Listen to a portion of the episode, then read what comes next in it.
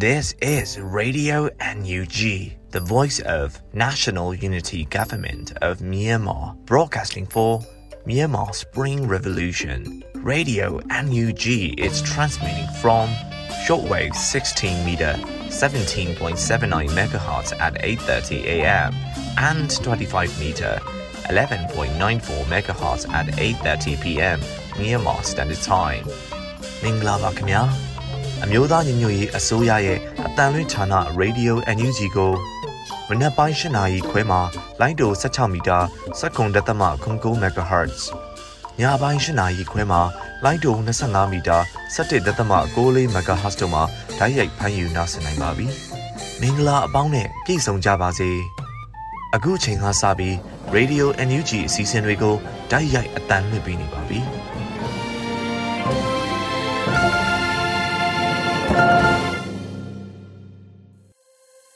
မြန်မာနိုင်ငံသူနိုင်ငံသားအပေါင်းတဘာဝဘေးဆရာနာရှင်ပြီးတို့ကနေကင်းဝေးပြီးကိုစိတ်နှစ်ပါးဘေးကင်းလုံခြုံကြပါစေလို့ရေဒီယိုညူချီခွဲသားများကဆုတောင်းမေတ္တာပို့သလာရပါတယ်ရှင်။ခုချိန်ကစပြီးကာကွယ်ရေးဝန်ကြီးဌာနရဲ့စီးရီးသတင်းချင်းချုပ်ကိုတော့ຫນွေဦးလင်ကမှဖတ်ကြားတင်ပြပေးပါရမရှင်။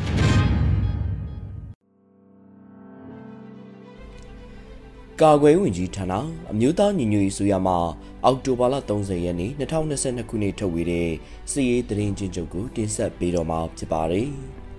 ။စစ်ကောင်စီတပ်သား26ဦးသေဆုံးပြီးတဦးထိခိုက်ဒဏ်ရာရရှိခဲ့ကြောင်းသတင်းရရှိပါရခင်ဗျာ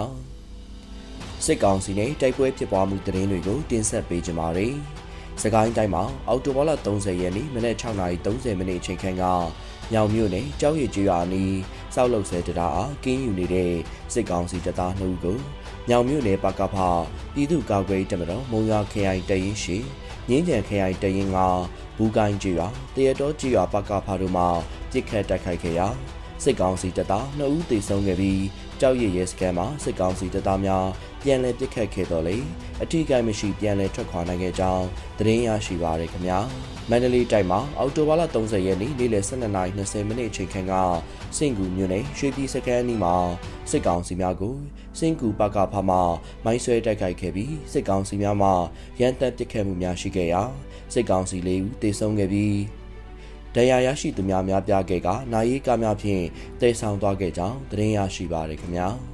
အောက်တိုဘာလ29ရက်နေ့ညနေ4နာရီခန့်ကမြောင်ဦးမြို့နယ်ငတရောက်မြို့အမတ်နေရက်ကွယ်မြို့နယ်ခွဲရဲစခန်းအားပြည်သူ့ကာကွယ်တပ်မတော်မြင်းကြံခရိုင်တရင်3အဖွဲ့မှ45မိနစ်ကြာစီးနင်းတိုက်ခိုက်ခဲ့တဲ့အတွက်ကြောင့်ရဲစခန်းမူရဲအုပ်အေးကျော်ဒူရဲအုပ်ဝေလင်းနဲ့ရဲမီတူအပါဝင်ရဲဆက်တအူသေဆုံးခဲ့ပြီးတနက်အရှိ6လက်နဲ့6လုံးပြူတလက်တို့အားတင်စီရရှိခဲ့ကပြည်သူ့ကာကွယ်တပ်သားတအူကြာဆုံးခဲ့ကြောင်းသတင်းရရှိပါရခင်ဗျာ အောက်တိုဘာလ29ရက်နေ့ညနေ9:00နာရီခန့်က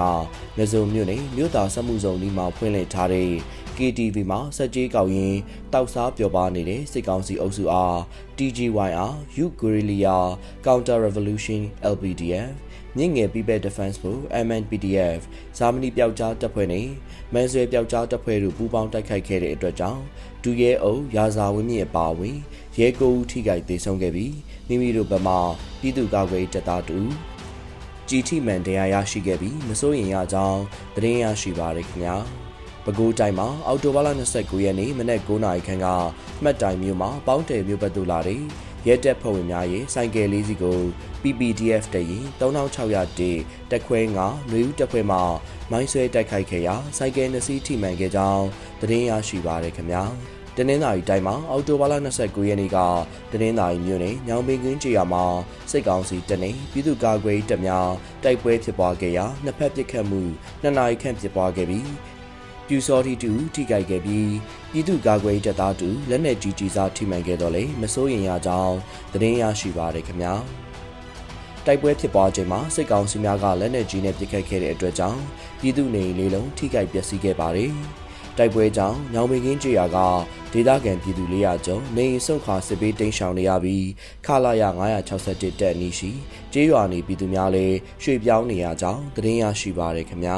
ဆက်လက်ပြီးစစ်ကောင်စီကကျူးလွန်တဲ့ရာဇဝမှုတွေကိုတင်ဆက်ပေးကြပါမယ်။ရခိုင်ပြည်နယ်မှာအော်တိုဘာလ29ရက်နေ့နေ့လယ်2နာရီခန့်ကကြောက်တော်မြို့နယ်ရုပ်သားကြီးရွာရှိညာဟီဝန်ကျောင်းတိုက်ကိုစစ်ကောင်စီတပ်က drone နဲ့ပစ်ခတ်ခဲ့တဲ့အတွက်ကြောင့် ဖုန်ကြီးကျောင်းခေါမှုနဲ့ကျောင်းပေါ်ရှိမှန်ပီတို့တလုံးတို့ပျက်စီးသွားခဲ့ကြောင်းသတင်းရရှိပါရခင်ဗျာယခုတင်ဆက်သွားတဲ့သတင်းတွေကိုမြေပြင်သတင်းတာဝန်ခံများနဲ့သတင်းဌာနတွေမှာဖော်ပြလာတဲ့အချက်လက်တွေပေါ်အခြေခံပြုစုထားခြင်းဖြစ်ပါတယ်ကျွန်တော်ကတော့ຫນွေဦးလင်ပါ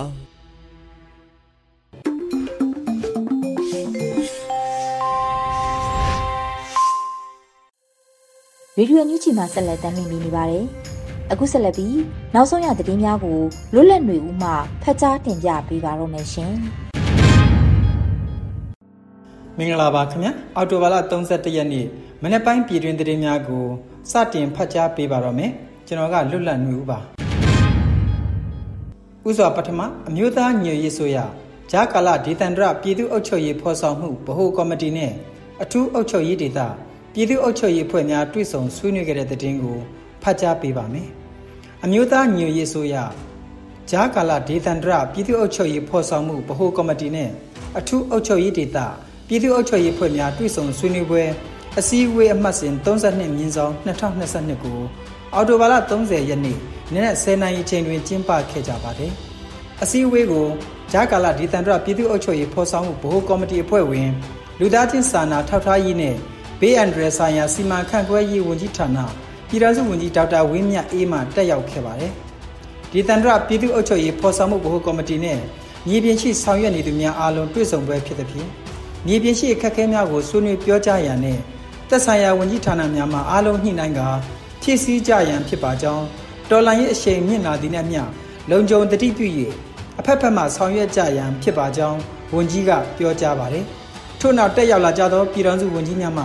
အမှားစကားများပြောကြားခဲ့ကြပါသေးတယ် ဆက်လက်ပြီးအထူးအုပ်ချုပ်ရေးဒေသအတွင်းဗန္ဒာရေးလျှက်စစ်ဆက်သွယ်ရေးအခွန်ကောက်ခံမှုကာကွယ်ရေးကျန်းမာရေးပညာရေးတရားစီရင်ရေးတယံစာတနဲ့တဘာဝပတ်ဝန်းကျင်ထိမ့်သိမ်းရပါဝင်ကဏ္ဍအလိုက်လုပ်ငန်းဆောင်ရွက်ထားရှိမှုများကို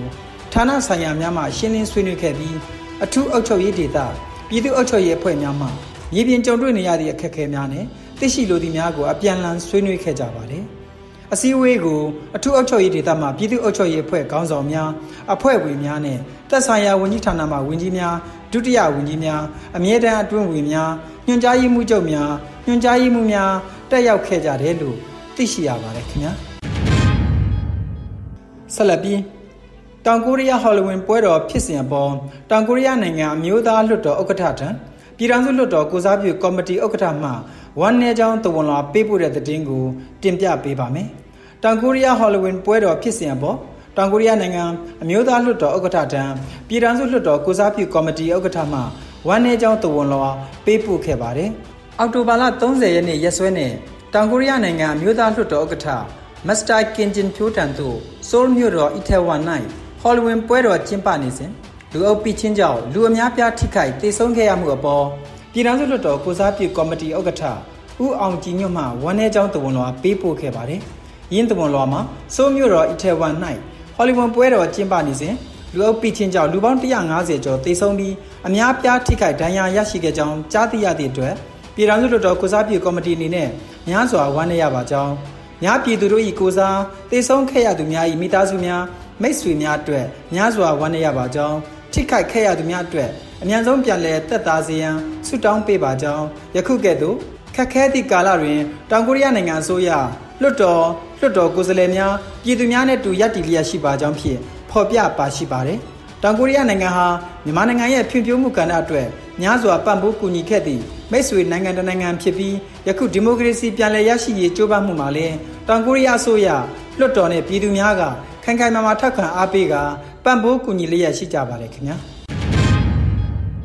တော်တာရှင်များခင်ဗျာနောက်ထပ်ကိုရီးယားဖြစ်စဉ်နဲ့ပတ်သက်တဲ့သတင်းတစ်ပုဒ်ကိုထပ်မံဖတ်ကြားပေးပါမယ် ကိုရီးယားနိုင်ငံမှာဟော်လဝင်းဖြစ်ရအတွက်မိသားစုများနဲ့တူဝမ်းနဲ့ကြေကွဲရပြီးဒဏ်ရာရသွားသူများအများဆုံးပြန်လည်ကျန်းမာလာစေဖို့အမျိုးသားညွရေးဆိုရနိုင်ငံသားရေးဝန်ကြီးဒေါ်စင်မအောင်စုမုံကောင်းတောင်းလိုက်တဲ့သတင်းဖြစ်ပါတယ်ကိုရီးယားနိုင်ငံမှာဟော်လဝင်းဖြစ်ရအတွက်မိသားစုများနဲ့တူဝမ်းနဲ့ကြေကွဲရပြီးဒဏ်ရာရသွားသူများအများဆုံးပြန်လည်ကျန်းမာလာစေဖို့နိုင်ငံသားရေးဝန်ကြီးဒေါ်စင်မအောင်ကစုမုံကောင်းတောင်းလိုက်ပါတယ် အော်တိုဘာလ30ရက်နေ့မှာအန်ယူဂျီနိုင်ငံသားရေးဝန်ကြီးဒေါ်စင်မအောင်ကအခုလိုသတင်းစကားကို Twitter မှတစ်စစ်ရေးသားပြောဆိုလိုက်တာပဲဖြစ်ပါတယ်။တောင်ကိုရီးယားနိုင်ငံတွင်ဝမ်းနဲ့ဝယ်ဟော်လိုဝင်ဖြစ်ရမှ၎င်းတို့၏မိသားစုများနဲ့တူချစ်ရသူဆုံးရှုံးခဲ့ရသူများအားလုံးကိုအလေးအနက်ဝမ်းနေပြီးဒဏ်ရာရရှိသူများကိုလည်းအမြန်ဆုံးပြန်လည်ကျန်းမာလာစေရန်ဆုမွန်ကောင်းတောင်းအပ်ပါတယ်လို့ဆိုပါတယ်။ကိုရီးယားသမ္မတနိုင်ငံဆိုးလ်မြို့အီတဝမ်မှာဟော်လိုဝင်ပွဲတော်အတွက် လူများတန်းစီတိုးရမှလူရေတရာကျော်အသက်ရှူရတည်ဆုံမှုတွေဟာအော်တိုဘာလ29ရက်ညပိုင်းမှာဖြစ်ပွားခဲ့တာဖြစ်ပါတယ်ခင်ဗျာဆက်လက်ပြီး KIA တပ်မဟာ3ရှစ်တန်းတပ်စခန်းများကိုစစ်ကောင်စီကအညှိုးတေးနဲ့စတင်ထိုးစစ်ဆင်နေတယ်လို့ပြည်ထောင်စုဝန်ကြီးဒေါက်တာတူးခေါင်ကပြောလိုက်တဲ့သတင်းစကားကိုတင်ပြပေးပါမယ်။အော်တိုဘာလ30ရက်ညပိုင်းမှာကချင်ပြည်နယ်နဲ့ပတ်သက်လို့ပြည်ထောင်စုဝန်ကြီးဒေါက်တာတူးခေါင်ကအခုလိုဆိုပါတယ်။ စစ်ကောင်စီဟာနွေဦးတော်လိုင်းရင်မှာငွေအားလူအားပူးပေါင်းပါဝင်နေတဲ့ KIA ကိုအညှို့ထားက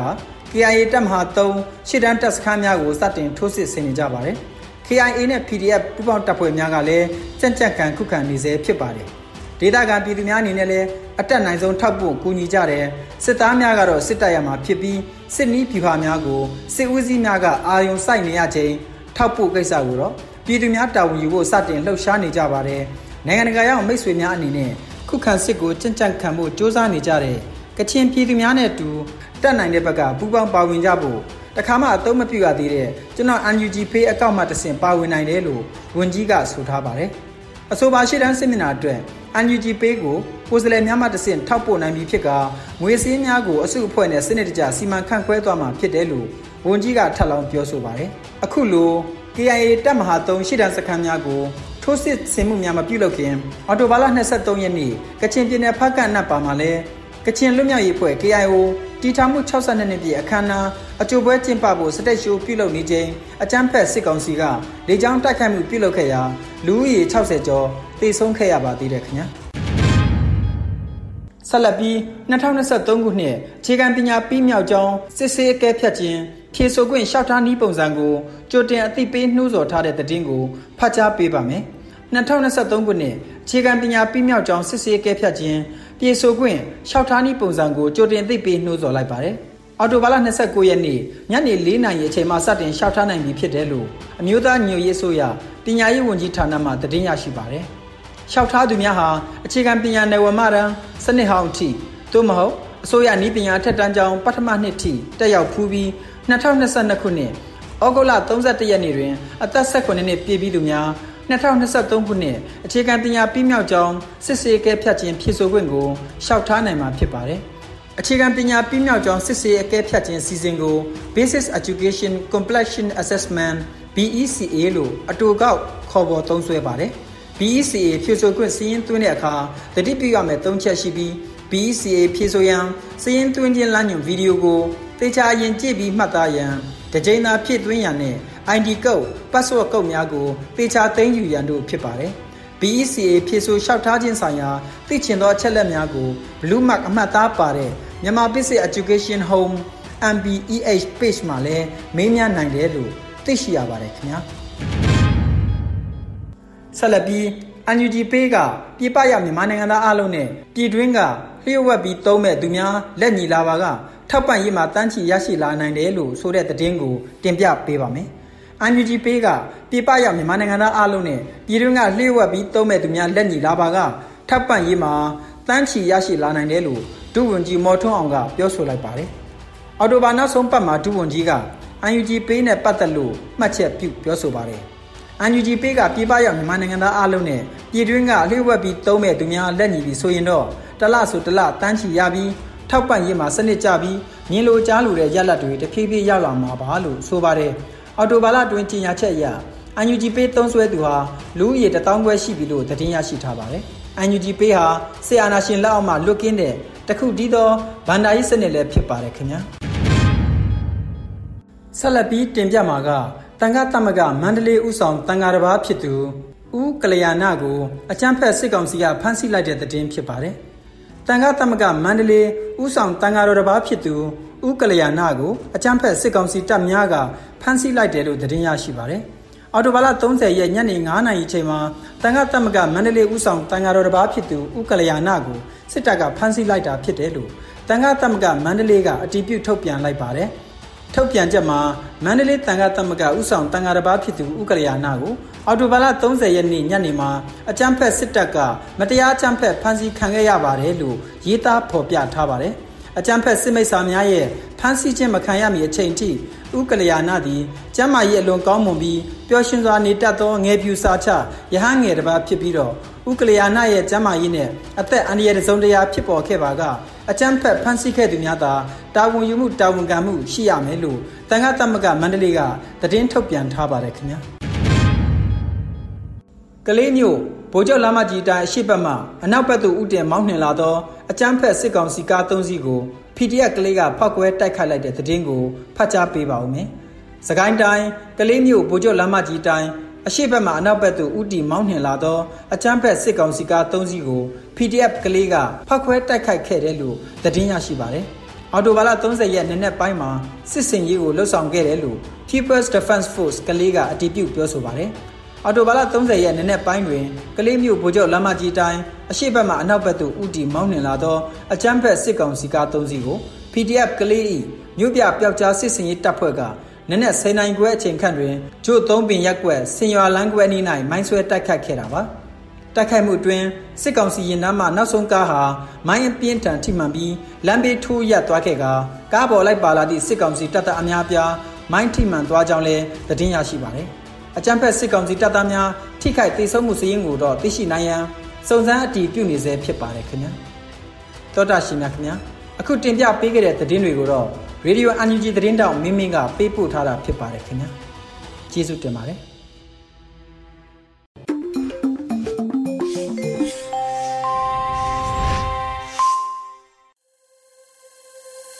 ဗီဒီယိုအန်ယူဂျီမှာဆက်လက်တင်ပြနေပါတယ် ဒီနေ့ရဲ့တော်လှန်ရေးကြပြအစီအစဉ်မှာတော့ဝစ်ကျွေးတော်ပြေလို့အမည်ရတဲ့တော်လှန်ရေးကြပြကိုမောင်ကျော်မှရွတ်ဖတ်ထားတာကိုနားဆင်ကြရတော့မှာဖြစ်ပါတယ်ရှင်။ဝတ်ကြွေးတော်ပြီဖြားနာနေတဲ့ရက်ဆွဲတွေတဲ့ခွေးဆွဲခံရတဲ့မိသားစုအကြောင်းတွေးမိရင်အသေးကွဲစရာတိပဲဒီလိုမိသားစုတွေဘလောက်များနေမလဲနှလုံးသားတွေနှွေးထွေးရင် ဒါဟာလဲအိမ်နဲ့မိတော့တွေဝါမျိုးခံရတဲ့အိမ်ကိုကြည့်ပြီးနှလုံးသားတွေမာကြောလာရတဲ့မိသားစုတွေရှိရဲ့အိုးပြစ်အိမ်ပြစ်အကုန်ပစ်ခဲ့ရသူတွေအများသာဝမ်းရည်အတွက်လွမ်းရည်ဖြတ်လို့ထမင်းအတက်လားရေအတက်လားမသေးကြမှုညစ်နှုတ်လို့ကျင်တုတ်ခံရမခံရတော့မသိ သမုဒ္ဒရာဝမ်းတထွာဟာတာတာဘဝတွေလည်းရှိရဲ့ဒါတွေဟာဝိမဟုတ်ဘူးလူပါလတွေရဲ့ရက်ဆက်မှုအပေါင်းတရဖူဆောင်းခြင်းဝတ်တက်ဆိုးတဲ့ဝတ်ဆိုတာပဲအိမ်မိုးမလုံးလို့မိုးယူတဲ့အခါအပေါက်ဖာဖို့မစင်စားပဲမိုးလွရာကိုကျင်သူတွေအိမ်ထဲမှာလူဘိုဖြစ်နေတာလဲ တကယ်ဝတ်နီဒီဒီဟန်ဆောင်ပြပြီးပြည်တီတီမန်ဆောင်ကြတဲ့ဘလူးမျက်နှာဖုံးနဲ့တကယ်ဘလူးတွေလူဝင်းကျင်မှာရှိနေတာကမှတကယ်ဝေါ့တရားချစ်တယ်လို့လို့နဲ့အတ္တအတွက်အကြောင်းပြမောင်းချလို့တောင်မစင်းကျင်တဲ့ကြွန်ယူတွေလူရဝင်နေတာလဲတကယ်ဝေါ့ကိုသွေးသားကိုမထိတဲ့၍ သူတော်ကောင်းတက်နဲ့ကဘာပတ်ချင်သူတွေလူအတိုင်အမြုံတဲ့မြဲနေတာလဲတကယ်ဝေါ့တရားမျှတလွတ်လပ်ခြင်းနဲ့မသွေအော်နေပြီးတုံနိဘာဝီကိုနဲ့မဆိုင်သလိုနေစိမ့်သူတွေများတဲ့များနေတာတကယ်ဝတ်ဘန်ကင်ကြီးတဲ့ပြောချင်ပါတယ်ဆိုပြီးဗမ်းမြင်တွေကိုရေလောင်းပေါင်းတင်ဖို့စိတ်မပါသူတွေ လူလို့ခေါ်ခံနေကြတာလဲတကယ်ဝတ်မဲတီတာကိုယထာတင်ပြေးတဲ့အခန်းမှာဘလူးဆိုင်တီးပြီးမှနှစ်ပါးသွားကကျင်သူတွေဇက်စရာဖြစ်နေတာလဲတကယ်ကိုရက်ဆက်မှုနဲ့ဝတ်နဲ့နှစ်ပါးကလေးဆက်လေတဲ့အခါငါတို့ကိုကညံ့လွန်းတာလားယုံမှားမိတယ်တကယ်တော့ညံ့တာမဟုတ်ပဲလူထဲမှာ လူပီတလို့ခံစားနေရတာတမာကျမ်းစာမှာကုရ်အာန်ကျမ်းမြတ်မှာဂီတဘာဝကျမ်းမှာပိဋကတ်၃ပုံမှာ38မိနစ်ချင်းမှာ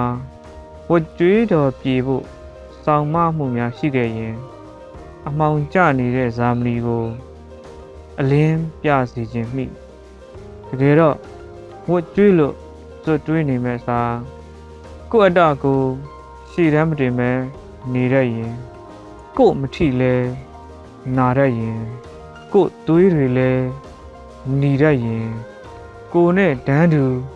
စာနာတတ်ရင်လေလုံးတွေတက်အလုံးနဲ့တက်တည်ပြတတ်ရင်ဝတ်ကြွေးတွေစွတ်ပြေးရမှာတားတောင်မရဘူးဝတ်ကြွေးတော့ဖြေပြောက်ပေးမဲ့ဘုရားသခင်က ခမားကိုယ်တိုင်ပဲဆိုတာသာခမားသိခဲ့ရင်သိလဲသိစေချင်ပါရဲ့ရောင်ကြီး6စုံတကိုးမပြခိုင်းပါဘူးအတ္တလေးရှည်တမ်းမတင်ပဲအလုတ်လုတ်ပြပါ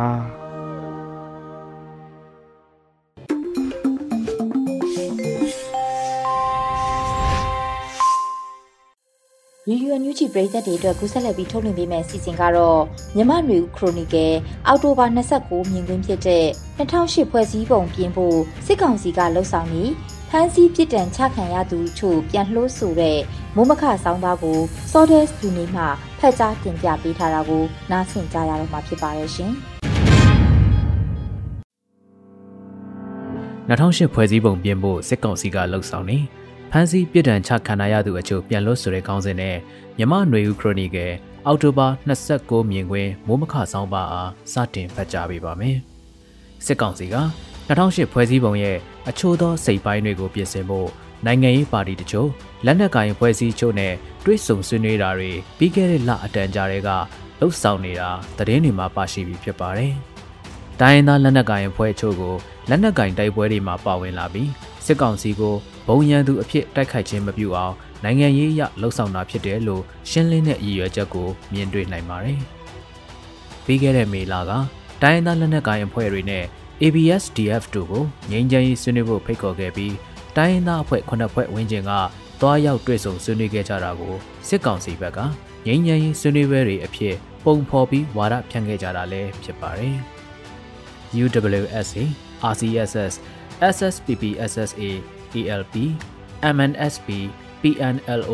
KNU, KNLA အစရှိတဲ့တိုင်းရင်းသားလက်နက်ကိုင်အဖွဲ့တွေကစစ်ကောင်စီနဲ့မဟာဗျူဟာအရာဒါမှမဟုတ်နီးပရိရဲ့အရာတွေ့ဆုံဆွေးနွေးခဲ့ကြတာဖြစ်ပေမဲ့ဘယ်အဖွဲ့ကမှခုငြိမ်းချမ်းရေးဆွေးနွေးမှုကနေအောင်မြင်မှုရလိမ့်မယ်လို့ယူဆကြဖို့မပေါ်ပါဘူး။သက်ဆိုင်ရာလက်နက်ကိုင်အဖွဲ့ရဲ့ပုံနေမြဲကြားနေမြဲအနေအထားကို မထိခိုက်စေချင်တာသို့မဟုတ်နိုင်ငံရေးအရာစစ်ကောင်စီလက်မခံမှန်းသိပေမဲ့လည်းရီမန်းချက်တစ်ခုဖြစ်စေခြင်းတဲ့အကြောင်းအရာတစ်ခုကိုအများသိအောင်ပလက်ဖောင်းအဖြစ်နဲ့ထုတ်ဖော်ပြောဆိုတဲ့အနေနဲ့ဆွေးနွေးကြတာမျိုးဖြစ်နိုင်ပါတယ်။ဥပမာအားဖြင့်ဝါအဖွဲ့အနေနဲ့ကိုပိုင်အုပ်ချုပ်ခွင့်ဆိုတာထက်ပြည်내အဖြစ်သတ်မှတ်ဖို့တောင်းဆိုတာမျိုးဖြစ်ပါတယ်။တိုင်းရင်းသားလက်နက်ကိုင်အဖွဲ့တွေအနေနဲ့ကပြည်မကနိုင်ငံရေးပြဿနာတွေကိုရှုမြင်ရမှာအများအားဖြင့် ပြည်မကဗဟိုအာဏာကိုချုပ်ကင်ထားတဲ့ဗမာနိုင်ငံရေးအင်အားစုတွေရဲ့အားပြိုင်မှုအဖြစ်ရှုမြင်လေးရှိကြပါတယ်။သူတို့ရဲ့ဆယ်စုနှစ်ချီတဲ့လက်တွေ့ဘဝအတွေ့အကြုံရာအဲ့ဒီလိုယူဆကြတာလဲမှားတယ်လို့ပြောဖို့မရတဲ့အနေအထားဖြစ်ပါတယ်။ပြည်မကအစိုးရတွေရဲ့အဆက်ဆက်မှာတိုင်းရင်းသားတွေရဲ့ဖက်ဒရယ်အခွင့်အရေးနဲ့ပတ်သက်လို့ရက်တီချက်တွေကတစ်ဖွဲ့နဲ့တစ်ဖွဲ့တိတ်မချနာကြပဲ KSS လက်နက်ကင်တိုက်ခိုက်မှုတွေနဲ့သာဖြည့်ရှင်းခဲ့ကြတာကြောင့်အခုတစ်ချိန်စစ်အာဏာသိမ်းမှုကိုလည်း ပြည်မရဲ့အာဏာရယူမှုပြဿနာလို့ရေပုံရအားဖြင့်အကဲဖြတ်ကြတာဖြစ်ပါတယ်။စစ်ကောင်စီကိုလည်းမယုံသလိုစစ်ကောင်စီစန့်ကျင်တိုက်ခိုက်မဲ့အဖွဲ့အသစ်ပေါ်ထွန်းလာတဲ့ NUG အပေါ်မှာလည်းတန်တရားသစိတ်တစ်ပိုင်းထားပြီးဆက်ဆံနေကြတဲ့သဘောမျိုးဖြစ်ပါတယ်။စစ်ကောင်စီကတိုင်းရင်းသားလက်နက်ကိုင်အဖွဲ့တွေနဲ့သာဆွေးနွေးဖို့လုပ်တာမဟုတ်ပဲနိုင်ငံရေးပါတီတွေကစစ်ကောင်စီရဲ့ဖိတ်ကြားမှုကိုလက်ခံတဲ့တိုင်းရင်းသားနဲ့ပြည်မကပါတီအချို့နဲ့လည်းကိုစားပြုရွေးကောက်ပွဲစနစ်နဲ့ပတ်သက်တာ 2008ဖွဲ့စည်းပုံပြင်ဆင်ရေးနဲ့ပတ်သက်တဲ့ကိစ္စရပ်တွေကိုအစုအဖွဲ့ဖွဲ့ပြီးဆွေးနွေးနေကြတာဖြစ်ပါတယ်။တရားဝင်ပါတီအဖြစ်ရပ်တည်နေတဲ့နိုင်ငံရေးပါတီအချို့ကတော့အဆိုပါဆွေးနွေးပွဲတွေမှာမပါဝင်ကြတော့လဲအချို့သောပြည်မပါတီတွေတိုင်းရင်းသားပါတီတွေပါဝင်ပြီးဆွေးနွေးမှုတွေလှုပ်ဆောင်နေကြတာဖြစ်ပါတယ်။အခုရပိုင်းတရေတပုတ်မှာ2008ခြေဦးတဲကပုံမှန်261လို့ခေါ်တယ်။ပြည်내တိုင်းဒေသကြီးရဲ့ဝင်ကြီးချုပ်ကို၎င်းတို့လွှတ်တော်ရွေးကောက်ခွင့်ကိုယ်စားလှယ်တွေက မဲပေးခွင့်ရွေးချယ်ခွင့်မရှိပဲပြည်ထောင်စုအစိုးရသမ္မတကရွေးချယ်ခန့်အပ်တဲ့အချက်ကိုပြင်ဆင်ဖို့သဘောတူညီမှုရပြီလို့ဆွေးနွေးမှုကော်မတီထဲမှာပါတဲ့ SNDP ပါတီခေါင်းဆောင်ကသတင်းမီဒီယာကိုပြောဆိုတဲ့သတင်းဖြစ်ပါတယ်။အရင် NLD အစိုးရလက်ထက်လွှတ်တော်ရဲ့ဆွေးနွေးစဉ်က NLD ကိုယ်စားလှယ်တွေပြင်ဆင်ဖို့ကန့်ကွက်ခဲ့ကြတဲ့2008ခြေဦးတွေကပုံမှန်လည်းဖြစ်တဲ့ပုံမှန်261ကိုပြင်ဆင်ဖို့စစ်ကောင်စီဘက်ကသဘောတူတဲ့အထိပ္ပယ်လည်းဖြစ်ပါတယ်။ ဒီ2008ခြေဦးရဲ့အဓိကမကျတဲ့အပိုင်းတွေကိုပြင်ဆင်ဖို့သဘောတူခြင်းနဲ့လက်ရှိဖြစ်နေတဲ့နိုင်ငံရေးအကြက်တဲကလွတ်မြောက်ဖို့တော့မလွယ်ကူဘူးဆိုတာနိုင်ငံရေးသမားတိုင်းလေ့လာသူတိုင်းသိရှိကြမှာဖြစ်ပါတယ်။စစ်တပ်အနေနဲ့နိုင်ငံရေးကထွက်ခွာဖို့သဘောတူမှသာနိုင်ငံရေးအကြက်အတဲကိုဖြေရှင်းနိုင်မှာဖြစ်ပါတယ်။အခုရပိုင်းတခြားသတင်းတွေကတော့အမှုပညာရှင်3ဦး NLD လက်ထက်ပြည်ထောင်စုဝန်ကြီး2ဦးနဲ့အရင်ပြည်ထောင်စုရွေးကောက်ပွဲကော်မရှင်2ဦးတို့ကိုလွှတ်ပေးတဲ့သတင်းဖြစ်ပါတယ်။ စစ်ကောင်စီဘက်ကတရားဝင်ထုတ်ပြန်ကြေညာတာမျိုးမရှိသေးပဲနီးစပ်သူနဲ့မိသားစုဝင်တွေရဲ့ပြောဆိုအတည်ပြုမှုတွေအရသတင်းမီဒီယာတွေကဖော်ပြကြတာတွေ့ရပါတယ်။ရခိုင်ပြည်ထောင်စုရွေးကောက်ပွဲကော်မရှင်ဥက္ကဋ္ဌနဲ့အဖွဲ့ဝင်တအုပ်ကိုပြည်တံချမှတ်ထားပြီးပြည်တံမစစ်ခင်ဘာကြောင့်ပြန်လွှတ်တယ်လဲဆိုတာခန့်မှန်းရခက်ပေမဲ့စစ်ကောင်စီဘက်ကအချို့သောနိုင်ငံရေးဖိအားတွေကိုရော့စေဖို့ရည်ရွယ်ချက်နဲ့ဖန်စီထိမ့်သိမ်းထားသူတွေက၎င်းတို့အပေါ်အမြင်ပြောင်းလဲလာသူရက်တီချက်ပျော်ပြောင်းသွားသူတွေကိုရွေးချယ်လွှတ်ပေးတာလို့မှန်းဆကြည့်နိုင်ပါတယ်။ လာမယ့်လတွေမှာကျင်းပမယ့်အာဆီယံစည်းဝေးမတိုင်ခင်မှာစစ်ကောင်စီအနေနဲ့၎င်းတို့ရဲ့နိုင်ငံရေးအရာအလျှော့ပေးတယ်လို့အကြောင်းပြနိုင်ဖို့ကိုအခုလိုအရေးအတွက်အနှဲငယ်ကိုလွှတ်ပေးတာလို့လည်းတစ်ဖက်ကယူဆနိုင်စရာရှိနေတာဖြစ်ပါတယ်ခင်ဗျာ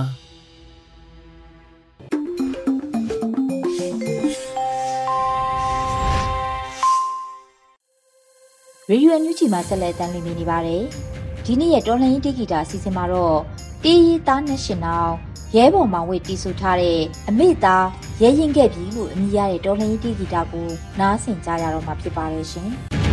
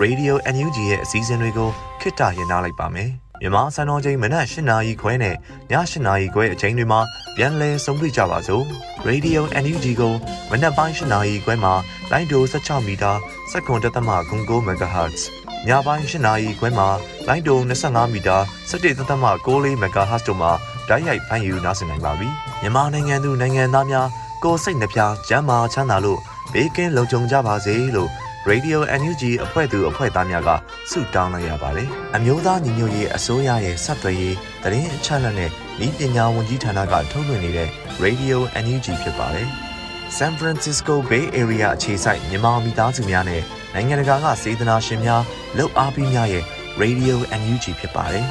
။အရေးတော်ပုံအောင်ရမည်